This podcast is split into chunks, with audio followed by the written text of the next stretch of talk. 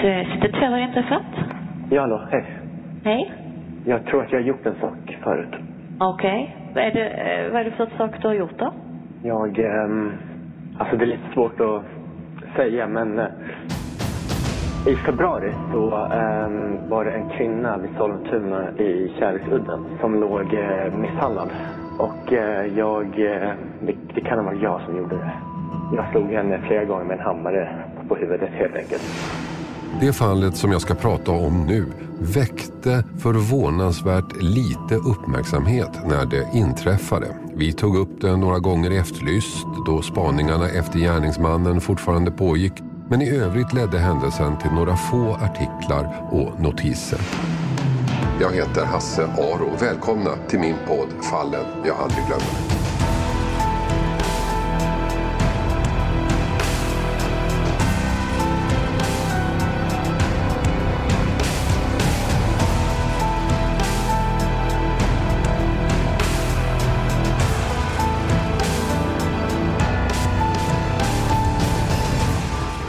Ganska märkligt för det var ju ett avskyvärt dåd. En äldre kvinna som fick sitt liv förstört, en gärningsman som var stolt över det han gjort, en utredning som ledde både till Pakistan och amerikansk domstol och ett nästan overkligt slumpartat möte som fick en avgörande betydelse. Idag sitter gärningsmannen i fängelse efter att ha fått sina ögonblick av uppmärksamhet, det han var ute efter hela tiden. Och en kvinna ligger obotligt skadad på sjukhus och måste vårdas resten av sitt liv. För polisen började det hela den 26 februari 2019 även om det skulle visa sig att det för gärningsmannen hade börjat tidigare än så. Ett larm kommer in till larmcentralen. En 77-årig kvinna har hittats svårt skadad i ett friluftsområde i Sollentuna kommun. Ett område som kallas för Kärleksudden. Det stod klart att hon hade blivit misshandlad. Det var en stor räddningsinsats på platsen med polis och ambulans och en hel del människor hade också samlats. En av dem som råkade komma förbi var kriminalpolisen Fredrik Kramp han som sen kom att leda utredningen. Men den här dagen jobbade han inte utan var ute och tränade. Jag bor ganska nära min arbetsplats och vid det här tillfället så hade jag faktiskt en liten träningsrunda från jobbet och hem. Och eh, då på eftermiddagen eh, när jag var på väg hem så går jag förbi det här eh, området som vi kallar Kärleksudden. Och då ser jag en massa polisbilar som står uppställda. Min första tanke är liksom att någonting måste ha hänt här ute. Och sen blir man ju lite nyfiken och så försökte jag att se om det fanns något som stod och eh, lite notis om vad som hade hänt. Och sen då när vi kom på morgonen dagen efter till jobbet så nämnde de att det här hade skett och att eh, våran arbetsgrupp skulle få jobba med det här fallet. Vad fick du veta då om vad som hade hänt? Ja, då fick vi veta att det var ett brott som hade rubricerats som synnerligen grov misshandel. Det var en äldre dam som hade blivit utsatt för någon form av överfall. Och att hon var jätterisig. Eh, att de var osäkra på om hon ens skulle klara livet. Eh, och att det var en äldre kvinna som sagt var att hon hade helt oprovocerat påträffats och sen upptäckte de att hon hade jättesvåra skallskador i huvudet. Kvinnan var väldigt svårt skadad. Någon hade slagit ner henne med flera hammarslag i huvudet bakifrån. Hon låg i koma och det var ytterst osäkert om hon skulle överleva attacken. Självklart gick det inte att prata med henne så polisen hade egentligen ingenting att gå vidare på för att starta utredningen. Det, det som var väldigt eh, annorlunda med det här fallet och som gjorde att vi kände att det här är ett allvarligt och att vi måste kraftsamla polisresurserna. Det var ju dels att hon var så illa skadad. Läkarna kunde inte bedöma om hon ens skulle klara livet. Och det vi fick reda på tidigt på morgonen som gjorde oss ännu mer fundersamma, det var ju att på kvällen när när det hela hade skett, så hade ju poliserna som var ute på plats och jobbade med ärendet fått uppgifter ganska tidigt av den här kvinnans man. Vill påpeka att kvinnans bror hade blivit utsatt för ett oprovocerat överfall, hade blivit slagen i bakhuvudet av en okänd man. Och mycket riktigt, när de kontrollerade det tidigt så fanns det en anmälan, en händelse där den här kvinnans bror hade blivit utsatt för det här i samma område och ett oprovocerat överfall bakifrån. Det visade sig alltså att även kvinnans bror hade blivit attackerad av en okänd man på ungefär samma ställe drygt tre månader tidigare. Han hade däremot klarat sig undan utan några allvarliga skador. Och det här var naturligtvis oerhört viktig information. Två syskon, överfallna på samma sätt och på samma plats med några månaders mellanrum. I de flesta våldsdåd finns det någon slags koppling mellan offret och gärningsmannen. Här handlade det alltså om ett syskonpar som båda attackerats. Kunde det verkligen vara en slump? Sannolikheten var mycket liten. Alltså gällde det att hitta personen som av någon anledning hyste agg till båda syskonen. Någon som av någon anledning hatade de två så mycket att han var beredd att döda. Vi vart väldigt fundersamma. Vad är det här för två typer av överfall? Har det någon koppling? Finns det något som gör att vi ska söka efter en eventuell gärningsman som har koppling till familjen, till syskonparet? Och eh, tidigt i utredningen så fick vi tag i brodern som kunde berätta om det här överfallet. Och att hans uppgifter, det fanns ju även dokumenterat tidigare eh, som han blev utsatt för. Eh, så att bland det första vi gjorde då var att hålla ordentliga förhör med den här brodern. Men ni måste ju också då ha ägnat en hel del tid åt att kolla om det fanns någon person som kunde hysa agg till just de här två syskonen. Ja, och det är något det här som vi kallar eh, offerkunskap. Att via anhöriga fick vi fram mycket information och i och med att vi inte kunde prata med kvinnan själv så var det via mannen, via söner, via grannar. Finns det något som kan ha gjort att det var ändå samma gärningsman och att det var riktat mot just den här familjen? Kom ni fram till någonting i, i det, det avseendet som verkade misstänkt? Fanns det någonting där som gjorde att ja, det här kanske är rätt spår? Nej, vi, det var det vi kom fram till att det inte fanns. Så att eh, ganska tidigt efter förhör med de tänkbara liksom, som hade kännedom om kvinnan och hennes bror så fanns det ingenting som vi kunde känna att hade någonting med offren själva att göra eller familjen.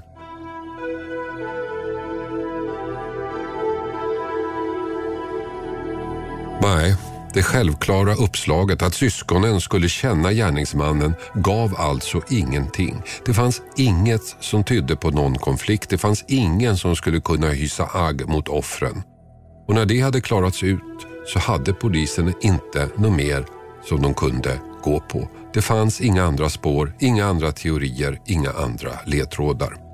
Allt pekade mot att det var en helt okänd person som utfört dådet någon som offren inte hade en aning om vem det var. En ren slump alltså. Allt polisen kunde göra var gjort. Platsen spärras ju av, man försöker hitta spår, man försöker hitta då någon form av vapen. Och det hittades ingenting. Det fanns inte så mycket att analysera förutom den här kvinnans kläder. Och sedan försöker man ju då att tänka hur gärningsmannen kan ha rört sig. Har han rört sig med bil? Har han gått? Har han åkt kommunalt? Så att då försöker man att fånga in så mycket övervakningskameror, övervakningsfilm som möjligt i området. Man tittar även på mobiluppkopplingar, telefontrafik som har skett i området. Mm. Gav det någonting, allt det här? Eh, det som är svårt att det är när man inte har någonting att gå på i form av gärningsman, man har ingen mobiltelefon, man vet ingenting hur den här gärningsmannen har rört sig. Så att det vi gjorde och det materialet vi fick, det blev av den anledningen liggandes. Man lägger det lite åt sidan. För man vet att har vi ingenting att gå på så är det jättesvårt att leta. Så att det finns materialet och det blev liggandes i väntan på att vi skulle försöka hitta något spår som vi kunde börja dra i. Utredningen hade alltså mer eller mindre gått i stå. Det är svårt att komma någonstans när det inte finns minsta lilla spår som kan undersökas, inte minsta lilla ledtråd som kan utredas. Men så, plötsligt, den 18 mars, en månad efter överfallet, kom ett tips som gjorde att utredningen tog fart igen. Ett tips från Pakistan, 500 mil från Kärleksudden. Där hade en man varit inne på ett anonymt chattforum och chattat med en för honom helt okänd person. Och den personen hade berättat något väldigt oroande. Så oroande att mannen i Pakistan blivit väldigt upprörd. Han tog en skärmdump på hela chattkonversationen och kontaktade polisen och just den här morgonen kom uppgifterna fram till utredaren i Sollentuna. I mitten på mars ungefär en månad efter slår jag upp min dator på morgonen och ser då att det har kommit ett eh, tips från en man som satt i Pakistan. En man som säger att han vill berätta om en sak och det vi har förstått sen via IT-specialister och eh, polisens så att säga internetgrupp så beskriver de det här chattforumet som att man eh, loggar in sig och sen så får man beskriva vad man vill prata om. Och så får man en slumpvald motpart som man sitter och chattar med. Mm. Då är den här mannen som är motparten till den här mannen säger att han vill berätta om en sak han har gjort. Och eh, det gör han. Och den här mannen ställer lite frågor och tycker att det verkar eh, konstigt och att eh, han bestämmer sig sen för att överlämna det här till polisen. Vad gör ni med det här materialet? Vi läser det och vi tänker, är det sant? Eh, vi tänker, vem har skrivit det? Vi analyserar och säger att är delar sant? Är delar påhittat? Är det överdrivet? Eller är det liksom, vad, vad är det som, och sen vad är det som har gjort att någon har skrivit det här? Mm. Och svårigheten då var ju att eh, dels att det var ett eh, anonymt chattforum och eh, vi fick höra via polisens IT-avdelning att en normal dag vid eh, ett visst klockslag så är det ungefär 13 000 som är inne och chattar med varandra i hela världen. Att vi skulle kunna hitta var den här kom ifrån, det var lönlöst. Så att därför börjar vi istället bearbeta innehållet. Vad är det som, vad står i innehållet och kan vi spåra något genom innehållet i den här chatten? Här fanns alltså en person som påstår sig ha utfört överfallet i Kärleksudden. Som kunde lämna detaljer om vad som hänt. Som gjorde ett trovärdigt intryck. Men som var anonym. Frågan var, fanns den här mannen på riktigt? Hade han gjort det han påstod? Eller skapade han bara en historia utifrån det han läst i tidningarna? Vår bedömning var att han som har skrivit det här har gjort det. Det var vår fasta liksom, magkänsla att personen som har skrivit det här, han har gjort det. Och då utgick vi från att det han skrev fanns en viss substans i. Han beskrev ganska mycket detaljer, vad han hade gjort, vad som hade hänt. Han hänvisade till den här indiska mannen att det fanns tidningsutklipp på ärendet. Och då var den här reservationen att kan någon ha läst och lärt sig något om fallet? Och då var vi lite försiktiga och väldigt eh, så att säga, noggranna att kan man ha lärt sig allt om det här fallet via media, via tv, radio? Och vi kommer fram till att man kan göra det, men det var några små detaljer som vi sa att det här har inte stått i media. För en utomstående är det lite svårt att förstå hur det gick till men uppgifterna i chatten ledde faktiskt polisen till en person boende i Sverige en person som alltså kunde vara gärningsmannen man jagade.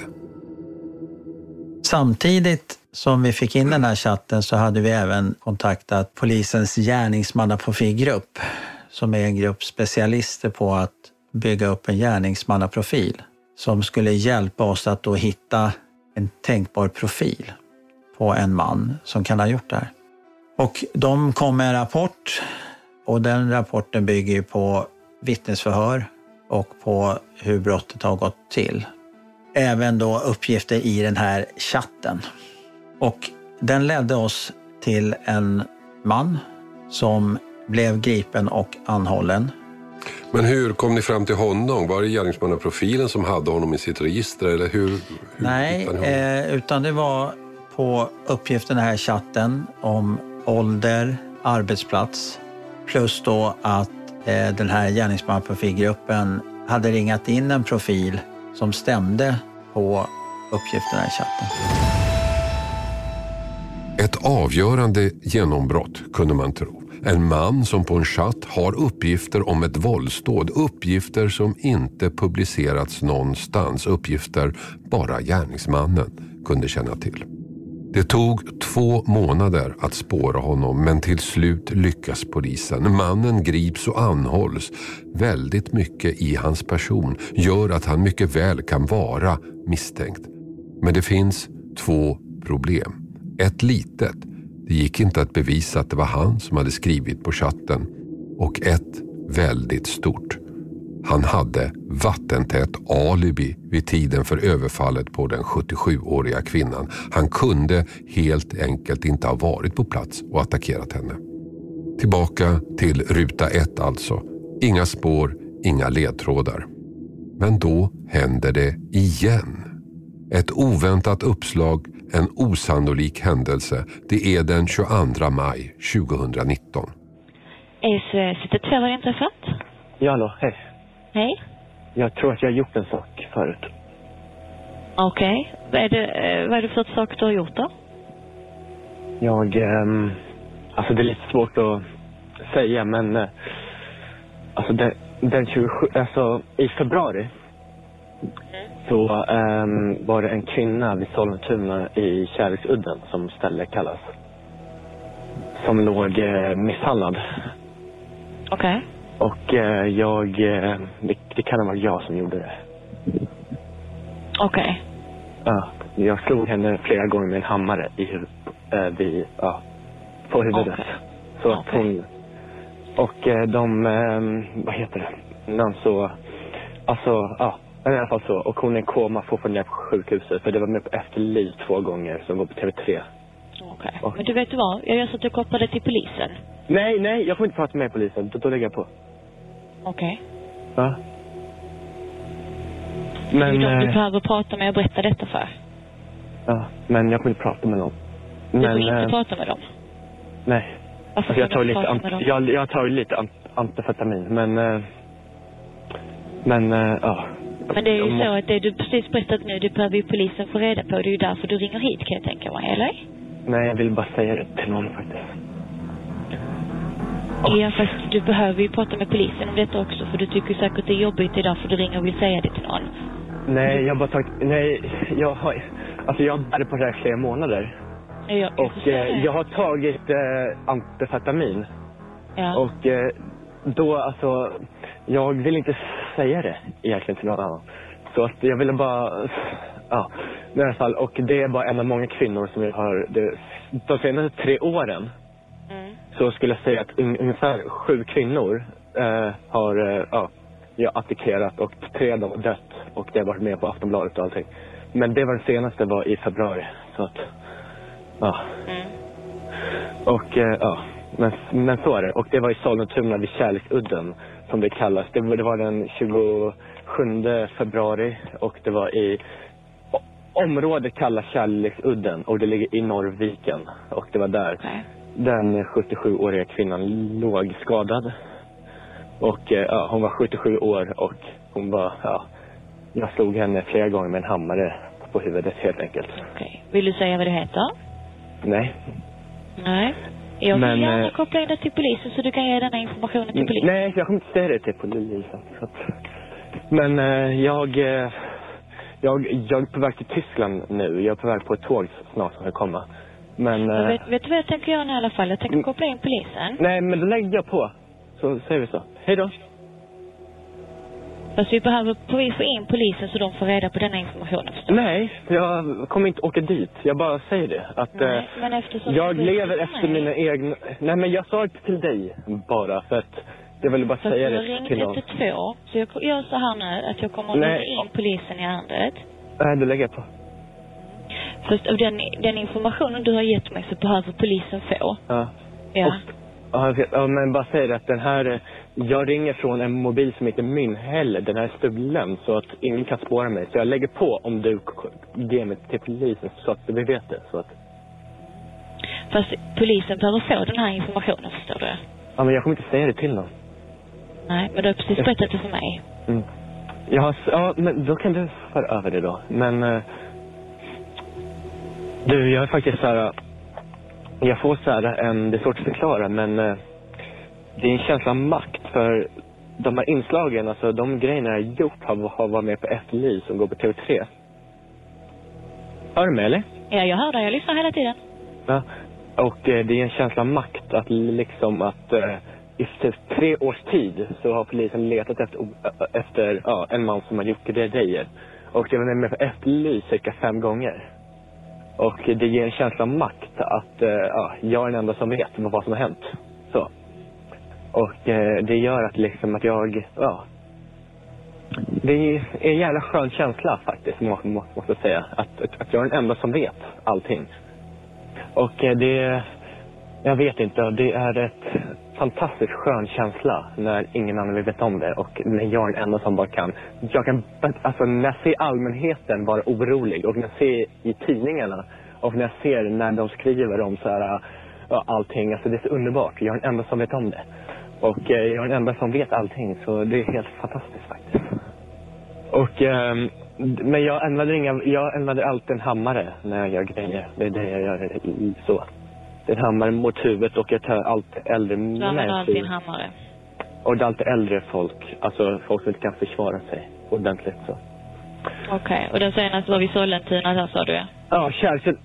Sök, hey, kan du söka upp det så kommer du se att det står så här, polisen söker vittnen. Om, du- om du söker upp det, gör det. Kärleksudden Sollentuna. Mm. Skriv det så kommer du se att det hänt en, så kommer du se vad jag pratar om. Och, eh, ja. Och det, är, det brukar ta ungefär, det tar alltid en månad innan jag, för jag vet ju alltid, alltså jag ser alltid mina offren, jag ser alla offer när de, hur de bor och allting. Så. Och, och jag följer dem efter typ en månad. Alltså den senaste kvinnan i Sollentuna här som var det senaste i februari.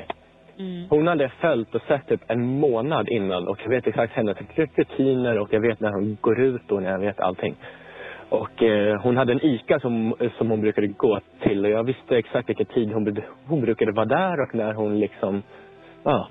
Så jag ser deras, deras rutiner och ja, jag vet ju allt det där. Och det kan ni inte ni se för att ni eh, har inga, och inga fingeravtryck heller. Ni har ingenting på, på mig. För de vantarna jag, jag använder, en, använder jag bara en gång. Och sen är de borta också. Allting är nedbränt. Allt, allting som jag använder är, är borta liksom. Okej. Så, ja. Men du vet du vad? Jag tror fortfarande att jag gör så att du kopplar in dig till polisen här. Ja, men, ja, men jag lägger på nu, okej? Ehm, vi hörs. Okej? En okänd man ringer alltså till larmcentralen och säger att det är han som misshandlat den 77-åriga kvinnan på Kärleksudden. Och allt ställs på ända. Två frågor. Är det verkligen gärningsmannen som ringde? Och i så fall, vem är han? Han sa aldrig sitt namn. Hör fortsättningen på det här minst sagt upprörande fallet i nästa avsnitt av min podd Fallen jag aldrig glömmer.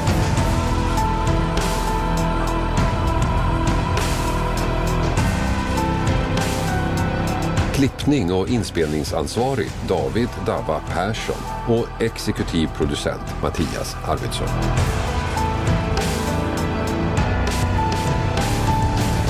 Produceras av I Like Radio. I like radio. Poddtips från Podplay. I podden Något Kaiko garanterar östgötarna Brutti och jag, Davva, dig en stor dos skratt. Där följer jag pladask för köttätandet igen. Man är lite som en jävla vampyr. Man har fått lite blodsmak och då måste man ha mer. Udda spaningar, fängslande anekdoter och en och annan arg rant. Jag måste ha mitt kaffe på morgonen för annars är jag ingen trevlig människa. Då är du ingen trevlig människa, punkt. Något Kaiko, hör du på Podplay. Därför är gardinerna.